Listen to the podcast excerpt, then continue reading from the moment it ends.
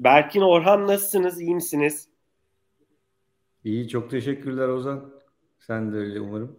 Ben de iyiyim. Çok teşekkürler. Ee, sağ olun sohbet davetimizi kabul ettiğiniz için. Ee, fintech tarafında tabii ki sizin de e, önemli yatırımlarınız var. Bu noktada iştahınız olduğunu e, biliyoruz. E, farklı girişimlere yatırım yaptığınızı biliyoruz. Biraz dilerseniz giriş olması açısından da e, e, Orhan dilersen seninle başlayalım. E, sonra da Berkin'le devam ederiz.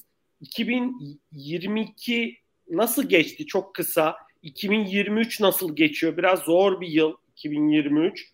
E, bu konuda neler söylemek istersin? Mediterra Kapital'in bakış açısı nedir? E, ben sözü sana bırakayım. Tamam çok çok sağ ol Ozan. E, istersen ilk önce bir Mediterra kimdir diye bir 30 saniye anlatayım. Olur, yani Mediterra bir e, İngiltere bazlı e, Türkiye'de yatırım yapan bir e, private equity şirketi. E, 2011 senesinde kuruldu. E, e, dört ortaklardan bir tanesi benim.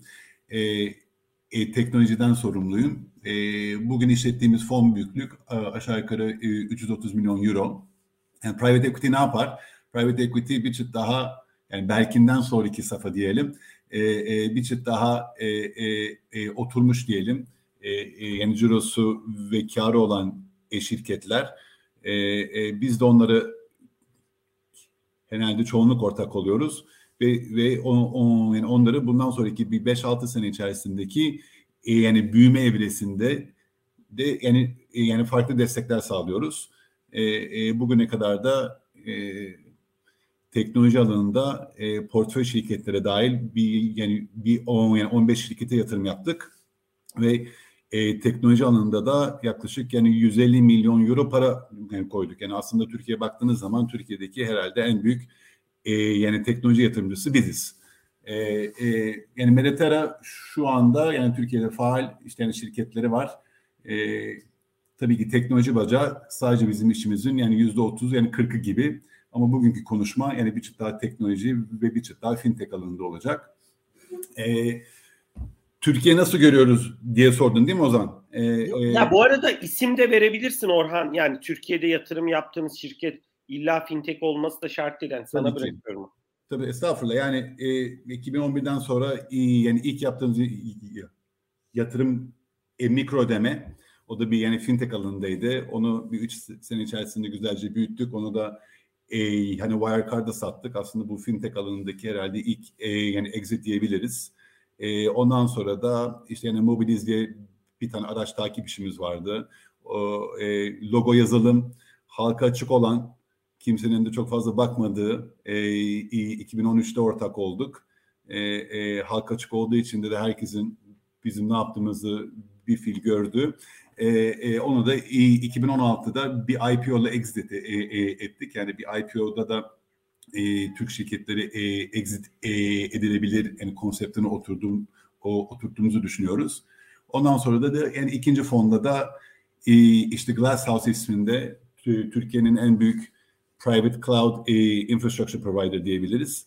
E, ondan sonra da Paycor ve Yazara diye şirketlerimiz var. Yani bunlar fintech alanında. Bunlarla ilgili zaten daha fazla konuşuyoruz. Bir de son son yaptığımız yatırım e, e, ise Zero Density diye e, bu medya sektöründe yazılım yazılım yapan bir tane şirket.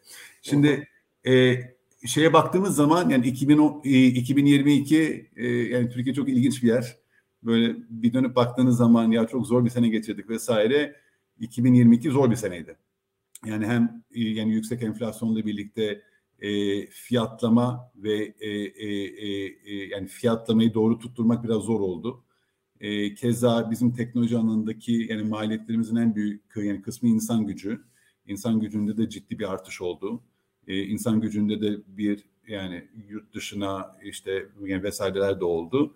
E, yani bir bir gelir tablosuna baktığımız zaman bir karlılıkta bir zor bir sene geçirdik.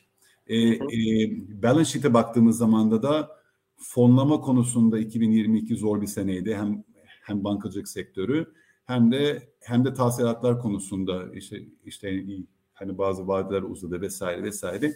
Yani net net e, önümüzü görme konusunda ve e, nakit akışı olarak da nispeten zor bir seneydi. 2023'e de baktığımız zamanda da gene e, önümüzü görme, visibility dediğimiz konu maalesef hala bir sıkıntı. E, 2023'ün de yani zor bir sene o, olacağını düşünüyoruz. E, ama bu tarz şeyler bizleri genç tutuyor. E, e, bir çift daha e, fail fast yani, yani, yani şeklinde e, bizim yani Türklerin çok iyi yaptığı konular bunlar. Çok teşekkürler. Berkin sana dönebiliriz. Ee, hızlıca değerlendirmelerini alabiliriz. 2022 nasıl geçti? 2023 nasıl gidiyor? E, ilerliyor. Sonrasında da sohbetimize devam ederiz. Tamamdır. Ee, ikinizi de görmek çok güzel. Ben de Orhan gibi yapayım çok kısa bir girizgah. Revo Capital tanımayanlar için.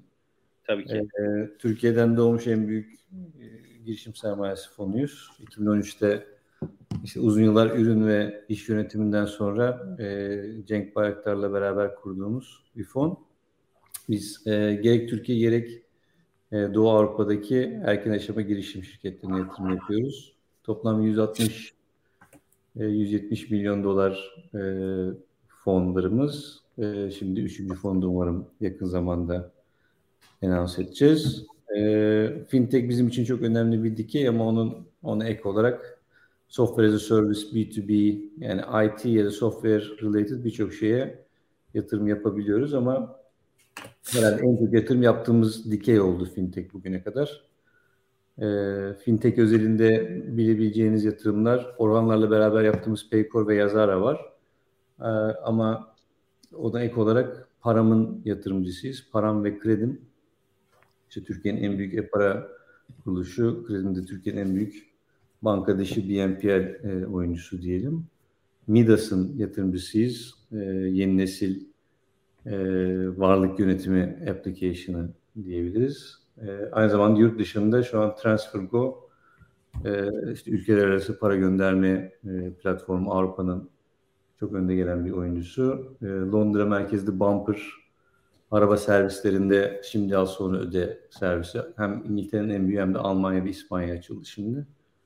E, bu tip e, şirketlerin yatırımcısıyız. E, bizi birçok kişi getirin ilk yatırımcısı olarak biliyor. Yani fintech dışında da aslında fintech'e dokunan ya da finansal boyutları olan işte başka yatırımlarımız da var. E, 2022-23 e, genelinde yani oranı söylediğinin işte farklı bir renklisi hani bizi genç tutuyor dediği şey yani biz biraz aslında zaten yani bununla yaşamayı e, kendimize göre verilmiş e, bir meslek yapmaya çalışıyoruz. Çünkü yani bizim fonlar Orhanlarınki daha uzundur. Bizimki e, 12 yıllık bir fon. Yani her kurduğumuz fonun 12 yıllık bir yolculuğu var. Öyle olunca tabii genel yön, uzun vadedeki yön önemli. Bizim yatırım yaptığımız konularda. Ee, Hatta oraya Berkin oraya girmişken yani sen tabii ki cümlelerini tamamla ama ben hani sorumu sorayım seninle başlayalım sonra orana dönelim. Yani sizlerde e, bir fon, yani siz aslında bir wealth management yapıyorsunuz. Birilerinin parası var. Orhan'la konuşunca şey demişti. Çok zenginler yani hani ya kurumlar e, bir kenara koyarsam kişiler için sonuçta büyük paralar. Biraz hani burada sizin taraf belki biraz daha farklı olabilir. Hani biraz sizdeki yapı nasıl işliyor? Bir private equity'deki ve bir venture capital e, firmasındaki risk sermayesi firmasındaki yapı hani sen dedin ya işte bizim fonumuz var üçüncü fon kaç yıllık kimler para koyuyor e, siz bunun sonunda o parayı herhalde hemen vermiyor yatırma taahhüdü var biraz burayı anlatırsanız çok bence bilmeyen insanlar çok vardır diye düşünüyorum sektörde hani çok faydalı olacaktır biraz burayı açarsak sevinirim hem aslında ya hem sizin bir fintech yatırımcısınız aslında bir taraftan da bir wealth management da yapıyorsunuz. Ee, burada hani yorumlarınız çok değerli olur. Ben Berkin sözünü kestim. Sen diğer kısmı tamamladıktan sonra girebiliriz buraya. Estağfurullah şey köprü olarak onu Aynen. E, 2022'ye bakınca da yani gerçekten yani enflasyon e, hem Türkiye hem globaldeki birçok yani savaş var, ee, çok fazla makroekonomik bilinmez var, enerji krizi var. Yani kötü bir yıl. Ama şimdi geri dönüp mesela bizim bu işi yaptığımız 10 yıla bakınca da yani bizim böyle bir slaytımız var. Ee, şimdi burada kullanmayayım ama Yani 10 yılda neler olduğunu inanamazsınız yani bizim etrafımızda. Yani işte bu işte 12 yıllık bir pencere olarak baktığınız zaman ne yazık ki o zorlukları bir şekilde göğüs gerip uzun vadede doğru olan yerde olacağına yatırım yaptığınız şirketin emin olmanız gerekiyor. Ee, bir de ben hep şey diyorum yani biz daimi optimistiz. Yani daimi optimist olmazsanız bu iş yapılmaz çünkü. Yapamazsınız. Yani özellikle portföy şirketleri sayısı artınce kesinlikle her gün bir şirketten hani iyi bir haber duyuyorsunuz. İşte 8 şirketten e, yeni bir kriz ya da çözülecek bir problem duyuyorsunuz. Şu an belki, lazım. belki üçüncü fonunuzu ne zaman hani e, toplayacaksınız? E, ya da ne zaman?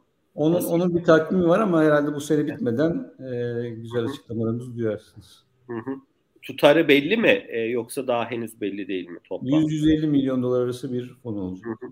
Buraya peki Berkin hani net olması açısından bireyler de sizin tarafta yatırıyorlar mı yoksa ağırlıklı kurumlar mı yatırıyor parayı? Şöyle, e, yani private equity'nin cezbettiği profile nispeten yakındır. Yani zaten genelde VC kategorisinde büyük yatırımcılar PE slash VC diye bakıyor. Ee, bizde bir minimum ticket var. Ee, o evet. minimum ne ticket, kadar? E, yani 1 milyon dolar aşağısını e, almıyoruz. Onu genellikle e, yani onu yapan farklı yapılar var. O biraz daha hani halka ya da nitelikli yatırımcıya açık daha geniş tabanlı fonlar var. Ama yani o daha sermaye piyasalarında ayrı bir yeri var onun. Yani biz o biz o işte değiliz. Bizim işte ikinci fondan örnek verecek olursam %70'ten fazlası yabancı yatırımcı. Ee, kurumlar var. Ee, çok büyük family office dediğimiz yani bir şekilde ailenin varlığını işleten e, yapılar da var. Ama en büyük yatırımcılarımız e, IFC yani Dünya Bankası'nın yatırım kolu EBRD, Avrupa İmar Kalkınma Bankası, EIF, e, TGF girişim üzerinden Hazine Koskeb'le ortak olarak Avrupa Yatırım Bankası, e, DG, o da KfW yani bu Almanya'nın önemli bir kamu bankasının yatırım kolu. E, yani bu Burada bu dördünü herhalde e, bünyesinde barındıran yani en azından bu bölgedeki tek VC fonuyuzdur diyebilirim. Hı hı. Ağırlıklı buralardan geliyor. Burada e... Bunları Berkin koymayı taahhüt ediyorlar ve ihtiyaç olduğu zaman koyuyorlar parayı. E, bunun fonun sonunda da bu parayı e, siz hani exit ettiyseniz işte gerekli e, yani umarım pozitif haberler geliyordur. Doğal olarak da daha sonra o kişilere parasını veriyorsunuz değil mi? Ya da ne varsa onu veriyorsunuz. Nasıl oradaki şey? Evet evet yani şey e, ona drawdown distribution mekaniği diyorlar. Bir taahhütünüz oluyor fona. Hı hı. O taahhütü e, yani bizim gibi fonlarda genelde ilk 5 yıl gibi diyeyim portföy e, oluşturma yılları. Hı hı. O portföyünüzü oluşturduğunuz o ilk 5 yılda e, paranın büyük kısmını çağırıyorsunuz. Mesela 10 milyon dolar komit ettiniz siz. Hı hı. 10 milyon doların belki işte 1,5, 1,5, 1,5 değil ilk 5 yılda büyük bir kısmı çağrılıyor. Biz ne zaman yatırım yapacağız o zaman o parayı çağırıyoruz. Ateş gibi yani bizde para. Hı hı. Hı hı. Ee, bazı private equity fonlarında ya da bu leverage işte debtli fonlarda falan bu değişiyor ama VC'de böyle ağırlıklı olarak. Ee, yani bizim onun için at any given time bir fondaki fonun banka hesabındaki paramız azdır. Biz de yani yatırım yapmak üzereyken ve yatırım yaptıktan hemen sonra böyle bir para hareketleri oluyor gibi düşünün. Ee, o açıdan baktığınızda yani IRR'ı yani taahhütü verdiğiniz rakam üzerinden o günden hesaplamamak işte ne zaman geldi ne zaman gitti o cash on cash bakmak okay. e, var. Exit yapıldı mesela. Exit yapıldığı zaman da herhangi bir şirketimizi satıp e, işte inşallah güzel karlı bir şekilde sattığımız zaman da herkes anında o işte 10 gün içinde o parayı e, oranınca alıyor. Al, alıyor. Orhan'a dilersen biraz dönelim. Orhan sen neler söylemek istersin? Tabii sizdeki ölçek daha farklı aslında hani e, e, girişim sermayesinin bir üst aşaması herhalde özel yatırım şirketleri. Siz herhalde belli noktalarda topu Berkinlerden devralıyorsunuz ya da bayrağı diyelim yani. O şirketleri daha fazla koşturuyorsunuz, büyütüyorsunuz. Evet yani bizim e, stratejimiz farklı. Yani stratejimiz de farklı olduğu zaman da da daha olgun şirketlere e, yani yatırım yaptığımız için bizdeki yani risk return yani şey döngüsü bir çıt daha farklı. Yani bizim portföyde batan şirket olmaz. E, e, bir kat paranı getirdiğin şirketin a, yani altında çok az olur. Ama beş kat üstünde de bir getiri sağladığın şey, yani şirketler de az olur. Az olur. E, e, o yüzden de risk return de, yani dengesi farklı. Yani bir yurt dışına baktığınız zaman zaten bu yani wealth management e, kurumlar aşağı yukarı yüzde beş ile yüzde onunu private equity VC, VC'ye koyuyor. E, oradaki farklı getiri opsiyonlarını e, e, haşamak için. E, o yüzden de zaten yani bu bir wealth management işi. E, tabii ki orada hangi risk return'i istiyorsunuz? E, hepsini de bir fona değil de birkaç tane fona, birkaç tane bölgeye, birkaç tane segmente para koymanız lazım. E, e, ve şeyde baktığınız zaman yani döngü uzun. Yani nispeten bir yani illikit bir, bir şey yani yatırım. Yani 10-15 sene boyunca ilk 5 sene 100 birim taahhüt ettiysen yani 80'i koyarsın. Sonra ki 5 senede 6 senede o 80'i geri alırsın bir de üstündeki parayı alırsın.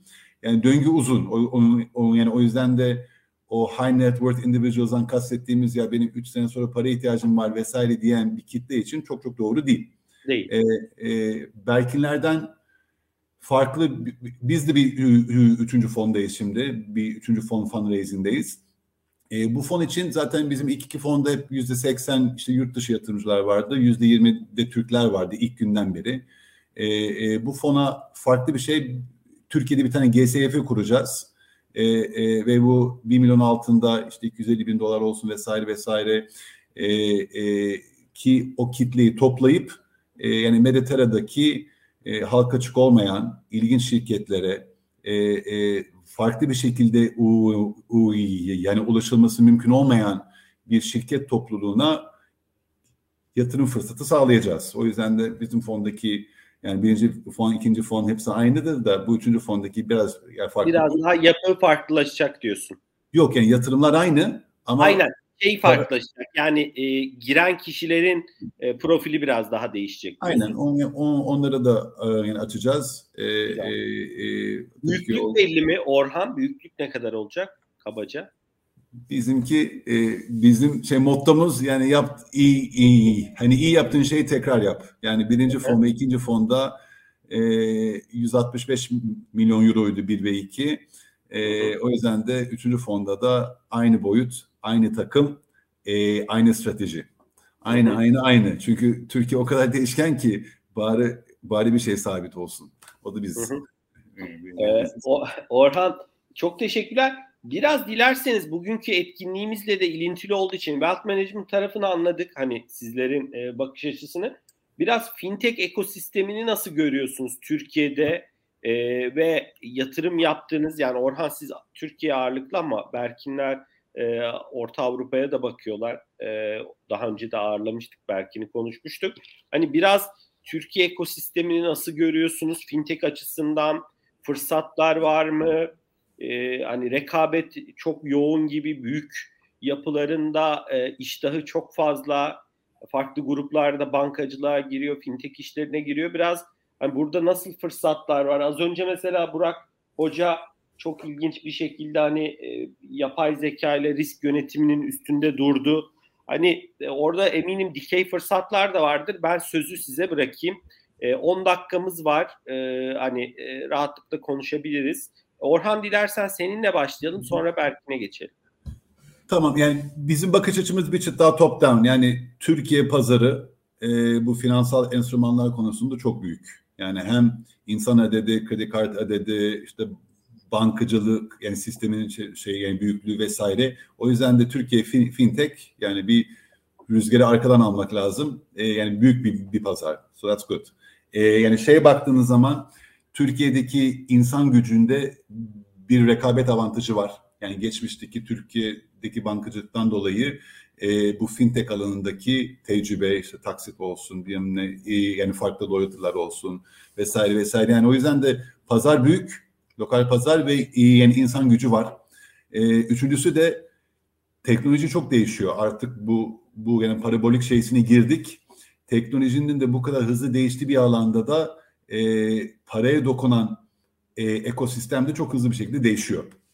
E, o yüzden o yüzden de fırsat da var. Yani, yani yine bakarsınız yeni bir tane fintech raporu çıktı. Yani 700 üstünde fintech şirketi var. E, o yüzden de bu üçüne baktığınız zaman çok çok cazip bir alan. E, e, sadece Türkiye olarak baktığınız zaman. E, e, ama eksi eksi tarafları da var. Yani bu işte e, e, e, bir bir para kazanılması lazım. E, genellikle B2B işlerde e, müşteriler çok iyi para vermiyor maalesef Türkiye'de. E, ikinci konu Türkiye'de fintech alanında yani customization e, e, o kişiye o kuruma ö, özel işler yapma işi aslında para kazandırsa da senin ö, ölçeklenebilir ve işte yurt dışına çıkma vesaire vesaire işlerin iş, işlerini zorlaştırıyor. Zorlaştırıyor. Ee, bir de yani son olarak da fintech çok lokal mevzuata bağlı bir iş. Ee, o yüzden de Türkiye'de iyiyim yani, yani, yani çok güçlüyüm deyip de onu yurt dışında katın paste etmen bir çıt daha zor olabilir. Ee, hele hele büyük ölçekli şey yani şirketlere bakarsan ama yani Berk'in o, o, o, konu, o konularda çok daha tecrübelidir. Yani orta ölçekli işte kobi dediğimiz şey yani şey yani, hani şeylerde bir çıt daha bir çıt daha cazip bir şey olabilir. Yani bu bu işi e, son cümleli şey yaparsak yani ya Türkiye'de çok büyük bir tane şirket yapacaksın e, e, e, ya da yurt dışına yurt dışına atacaksın ama orada da yani sadece bir ürün şirketi yapman lazım. Yoksa o o customization'lar zor. Ve e, ölçekten faydalanıp e, o hizmeti ürünü farklı coğrafyalardaki herkesin kullanmasını sağlamaya çalışacaksın. Aynen. Evet. Çok teşekkürler Orhan değerli tespitlerin için. Berkin sana dönelim. Senin yorumların ne olur? Ee, tam yani Orhan'ın bitirdiği yerden başlayacaktım ben de. İyi oldu bağlaç olarak. Yani çok söyleyecek şey var ama ben bir kere şeye vurguladım. Biz fintech dediğimiz zaman şimdi sen fintech konferansı yapıyorsun. Genelde tabii işte değerli bankalarımızda mesela katılanlar oluyor ama e, fintech deyince hep olduğu pazara hizmet eden şeylerden bahsediyoruz ama bizim genel fonda da söylediğimiz fonumuzun stratejisi olan Türkiye'den global iş çıkma potansiyeli çok fazla. Hem Orhan dediği cost avantajının ötesinde kaliteli bir teknoloji e, geliştirebilen bir yetenek havuzu var. E, genelde fintech'te biz lokallere baktık. Onlar konuşuldu. Ama bence önümüzdeki dönemde e, buradan çıkan çok fazla global fintech işi duyacağız. Yani her ikisinden de duyacağız. Yani bir sizin, lokale... sizin yatırım yaptığınız e, Türk elektronik para var galiba. Onlar bir atılım yapıyor. Evet, Görüyorum yani, şey var. Parayı, param diyebiliyorsunuz onları. Turan, Turan var galiba. Turan diye şeye bölgesel e, Türkiye Cumhuriyetlere odaklanan siz yatırım yapmadınız ama böyle bir girişim görüyorum. Kolendi galiba bayağı bir açılım yapıyor herhalde e, yurt dışına yönelik. Hani daha fazla sayısı artacak gibi dediğin gibi Berkin. Kesinlikle ben, ağırlı. Bence öyle ama oranın dediği gibi yani ürün anlamında gerçekten bir şey yapanlar ve globale etki edenler olacak diye hissediyorum. Yani paramda ayrı bir hikaye duyacaksınız önümüzde. önümüzde. Bence nasıl getir yani Nazım abi hep şunu söylüyor. Yani biz niye hep Türk şirketi satıldı diye bunu bir başarı olarak anlatıyoruz. Türk şirketinden exit oldu diye. Türk şirketleri aslında alan olabilir diye bir söylem var. Gitti mesela getir Gorillaz'ı aldı. Yani Gorillaz yani vaktinde hani bir buçuk milyar e, dolara satın alınmış bir şirket oldu bir Türk şirket tarafından. Bence bu hikaye farklı dikeylerde e, yinelenecek. Fintech'te de olacak bizim oranlarla ortak yaptığımız yazara mesela az konuşuluyor. Türk ekosisteminde belki hiç duymuyorsunuz. Dünyadaki en büyük prosesörlerin yani en büyük e, kart kabul alan e, şirketlerin kullandığı Sopol çözümü. Yani oradaki müşteri listesini görseniz yani bir Türk şirketi headquarter'ını New York taşıdı şu anda. Yani bir Türk şirketinin hizmet verdiği logo seti olarak ona inanamazsınız. Ve bu bir fintech altyapısı. Ee, yani Android cihazları POS'a dönüştürüyor ama Mastercard, Visa'dan compliant olan sertifika edilmiş ve şimdi bir tane MPOC diye bir sertifika var. O sertifikayı alacak olan yani ilk batch'te olacak. Belki seneye bu arada kesinlikle ağırlarız. Ben notunu aldım. Ee, bizim de amacımız hani bu etkinliği daha da geliştirmek. Ee, hani farklı girişimle bu arada Hani yurt dışından da bu etkinlikte bayağı e, tabii ki hani bir Türk başarı hikayesi değil ama mesela Revolut'tan dün Bertu'yu ağırladık.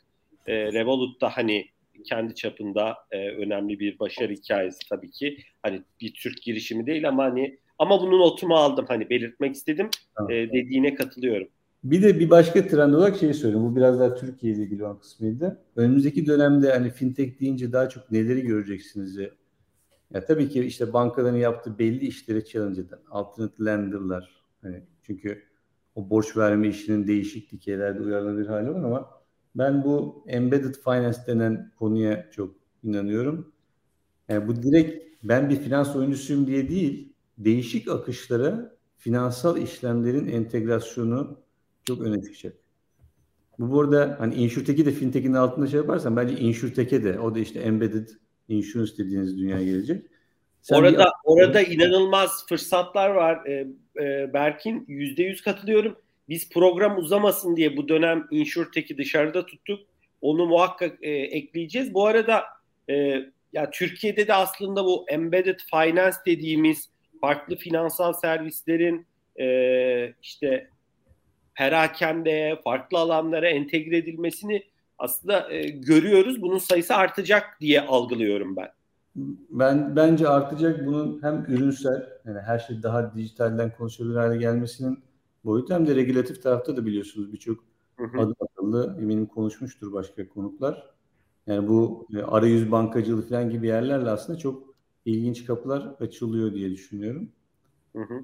Zamanı çok çalmamak için burada durayım. Çok teşekkürler. Bu arada e, aslında e, sizden sonra da biz FIBA Bankası'nın e, genel müdür yardımcısı, ekosistem ve platform bankacılığı genel müdür yardımcısı Gökhan Ertürk'ü ağırlayacağız. E, onu da arkada görüyorum. Aslında biraz bu konulara da gireceğiz. E, bence güzel oldu. Hani senin de oradaki e, tespitlerin biraz böyle bir e, devamlılığı anlamında güzel oldu. Çünkü hani e, FIBA Bankası gibi farklı bankaların da bu anlamda o servislerini farklı yerlerde sunduklarını görüyoruz. E, son birkaç dakikamız e, eklemek istediğiniz bir nokta olur mu bu sohbeti kapatmadan? Ama ben notumu aldım. Biraz daha globale açılmış, e, açılma yolunda ilerleyen fintechleri de bir sonraki dönem ağırlayacağız. Hani söz burada paslaşırız. E, başka yorumlarınız olur mu ekleyeceğiniz bir nokta? E, ben sonrasında da Gökhan Bey'i müsaadenizle ekleyeyim. Hem sizi bir tanıştırayım eğer tanışmıyorsanız da Sonra da sizlere veda ederiz Berkin Orhan. Yo, çok çok sağ ol. Yani benim benim son bir cümlem var. Yani bu fintech alanı ilginç. Türkiye'nin e, en azından bölgesel pazarda da büyük büyük bir şansı var. E, e, ama bu bu bir ekosistem oyunu. Yani herkesin, bütün oyuncuların yani bunu destek vermesi lazım. Regülasyon tarafında son 5 seneden beri yurt dışına göre bir çıt daha e, arkadan geliyoruz. O bence bir eksi e, büyük müşterilerin belki belki de şimdi de konuşursunuz. Yani ben değil de biz olması lazım. Yani birlikte büyümemiz lazım. E, e, e, ve ve ve bunu ve e, şirket kurucuları da kolay para peşinde değil de gerçekten 5 senelik bir vizyonla katma değerli iş yapması lazım. Yani bu bu üç bu üç döngüyle birlikte Türkiye'de ciddi potansiyel var. E, ama ama bazı şeylerin değişmesi lazım. Çok teşekkürler Orhan. Regülasyonlara vurgu yaptın. İşbirliğinin önemini söyledin ve girişimcilerin de uzun vadeli düşünmesi gerektiğini, e, kolay yoldan para kazanma motivasyonunu törpülemesi gerektiğini söyledim. Berkin senin ekleyeceğin bir yorum cümle olur mu? Ve Orhan'ın söyledikleri çarpı iki. ben Gökhan Bey'i de ekleyeyim müsaadenizle. Ee, Gökhan Bey nasılsınız? Teşekkür ederim Ozan'cığım. Senden ne haber? Ben de iyiyim çok sağ olun. Ee, değerli dinleyicilerimiz e, ilk otur, e, ikinci oturumumuzda yani bugünkü e, Revo Kapital kurucu ortağı Berkin Toktaş'la e, Meditere Kapital partneri Orhan Ayanlar bizlerleydi. Orhan Berkin ben çok teşekkür ediyorum değerli paylaşımlarınız için. Sizi de Gökhan Bey'le de buluşturmak, tanıştırmak da istedim. Bilmiyorum tanıştınız mı önceden ama. Sağ ol Ozan'cığım. Ee, Berkin Bey'le tanışma şansım oldu paramdayken. Ama Orhan evet, Bey'le ilk defa evet, tanışıyoruz. Ağzınıza sağlık arkadaşlar. Çok, çok teşekkürler. Görüşmek, görüşmek üzere Berkin Orhan haberleşiriz. İyi çalışmalar diliyorum. Sağ ol görüşürüz bay bay. İyi sohbetler bay bay. Kolay gelsin sağ olun arkadaşlar. Bay bay.